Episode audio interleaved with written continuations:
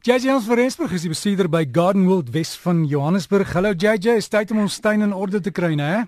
Ja, nee, definitief môre Derek en ons het hier so in die binneland 'n lekker uh bewolkte dag. Uh ek het gesien oor die Vrystaat praat hulle van baie baie swaar reën. Hmm, so dis nodig want die damme moet nog vol kom en sê vir my die kusstreek hierdie tyd van die jaar, hulle seisoene loop so 'n bietjie anders as die binneland. Wat wat doen hulle op die oomblik in die tuin? Ja, op die oomblik is die grootste probleem maar dat die outomatiese hitte en die bedompigheid en die vog wat in die lug is, veroorsaak net dat daar so baie minder plante eintlik daar geplant kan word. Die, die variëteit is eintlik baie minder. Dit is natuurlik lowergroen is altyd baie mooi en dit is, jy weet, uh tropies, maar jou variëteit is maar baie minder. Jy weet, as gevolg van al die hitte en as gevolg van al die vog, kry hulle baie meer fungus siektes as wat ons hier so in die binneland kry. So ja, mens maar net dop daar sê en kyk hier wat floreer in ander mense se tuine en herhaal dit in jou tuin. Hm. En JJ, wat wat mense dan ook doen is weet wanneer jy in so 'n streek bly is om te kyk wat bestaan al reeds in tuine, wat groei, wat doen goed en koop van daai plante want jy weet dit gaan groei.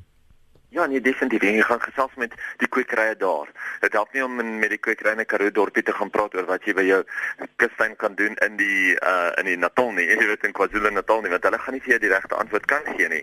So jy gaan gesels met die kwekerye daar. Gaan gesels met 'n tuinboukundige daar en kyk of jy dit so op op sy mooiste kan kry. Natuurlik is jou geleenthede nou weer uh on, oneindigend as jy mens regtig daaraan dink want jy het soveel meer eintlik wat jy kan gebruik en wat jy kan doen. Dan JJ die tuin hierdie tyd van die jaar in die binneland, wat moet ons doen? Ek weet die party mense het grasperk probleme en so maar dit sal alles regkom, né? Dat is ja nee, definitief. Hierdie tyd van die jaar ongelukkig met die grasperke soos jy nou net genoem het, is daar so baie van jou grasperk rispes. Hulle noem dit in Engels 'n army worm. En hierdie grasperk rispe vreet ongelukkig die grasperke op tussen Januarie en Maart. So as jy nou probleme op jou grasperk het en jy weet nie lekker wat dit is nie, gaan kyk of jy daar uh, of jy nie dalk wurms in die gras het nie. En hoe mense dit doen is jy jy jy, jy vat 'n nat handdoek en jy gooi 'n nat handdoek op die grasperk neer, gewoonlik in die laatmiddag en dan teen die aandtyd draai hom om en jy kyk bietjie wat se wurms of wat se insekte is daaronder hierdie handdoek op die grasperk op die blaaie van die grasperk en dan gaan jy sommer dadelik sien het ek die wurms of het ek nie die wurms nie is dit nou tyd om daarvoor te behandel. En jy, jy die, hoe hoe lyk hierdie wurmpies? Wat se kleure is hulle?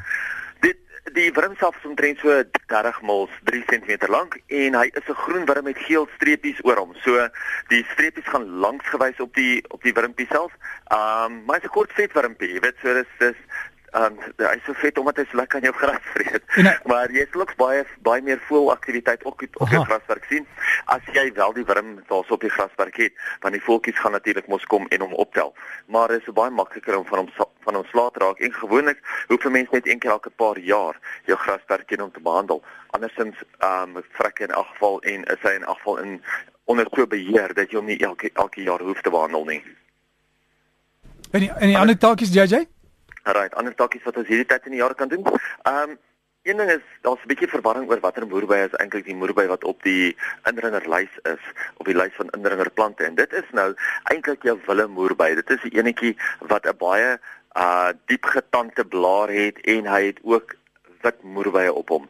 So as jy 'n moerbei in jou tuin wil plant en dit is nie noodwendig daai wit moerbei nie of die wille moerbei nie, kan jy maar in jou tuin plant. Dit is nie 'n probleem nie. En Ek dink ehm um, nou dat die nou dat die verwarring bietjie opgeklaar is, nou gaan baie mense ook weer moerbeye in hulle eie tuine kan plant. Ander ding is baie mense vra my, kan 'n mens vrugtebome in potte groei? Jy weet, ja, ons almal se tuine word al hoe kleiner, spasie word meer en meer beperk en ja, dit is baie baie goed om jou vrugtebome in potte te groei. Dit is eintlik baie maklik om dit te doen.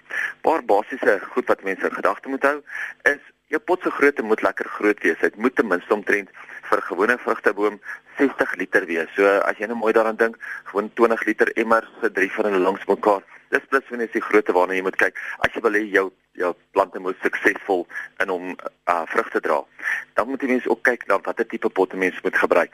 Gewoonlik is 'n pot met 'n baie breë basis baie beter as 'n pot wat baie regop is, sodat hy 'n baie stewiger uh, pot is dat hy nie so maklik kan omval as jou vrugteboom lekker groot gegroei het nie en ook onthou meeste bome en meeste vrugtebome veral se wortelstelsels groei kant toe, dit groei nie af onder toe nie. En dit is hoekom 'n mens 'n breër pot nodig het. Vrugte wat baie goed doen in potte sal goed wees soos jou sitrus, verskillende vyebome, baie van jou neutebome en ek praat hier van jou makadamia of so wat uh jou immergroen is, jou granate, mangoes, avokados en nog baie meer. Lekker ding ook met 'n pot is seker om rondskuif. Jy kan hom beskerm in die koue wintermaande, jy kan hom uitskuif in die somermaande, jy kan hom rondskuif soos die son beweeg, kan jy hom wel agter die son ook aanskuif. Wat belangrik is is dat ongelukkig omdat jou vrugtebome so baie krag en energie uit die grond uitvat, moet hulle gereeld oorgeplant en gevoer word. So onthou dat jy om ten minste sê elke 2 of 3 jaar gaan moet uithaal, want al die wortels moet terugsny, die plant sterk terugsny en dan weer terugplant. Onthou probeer ook om kompetisie te vermy. Moenie ander plantjies te veel om hom in dieselfde pot plant nie, want baie van daai kleiner plantjies gaan spasie opvat met hulle wortels selfs in die pot self.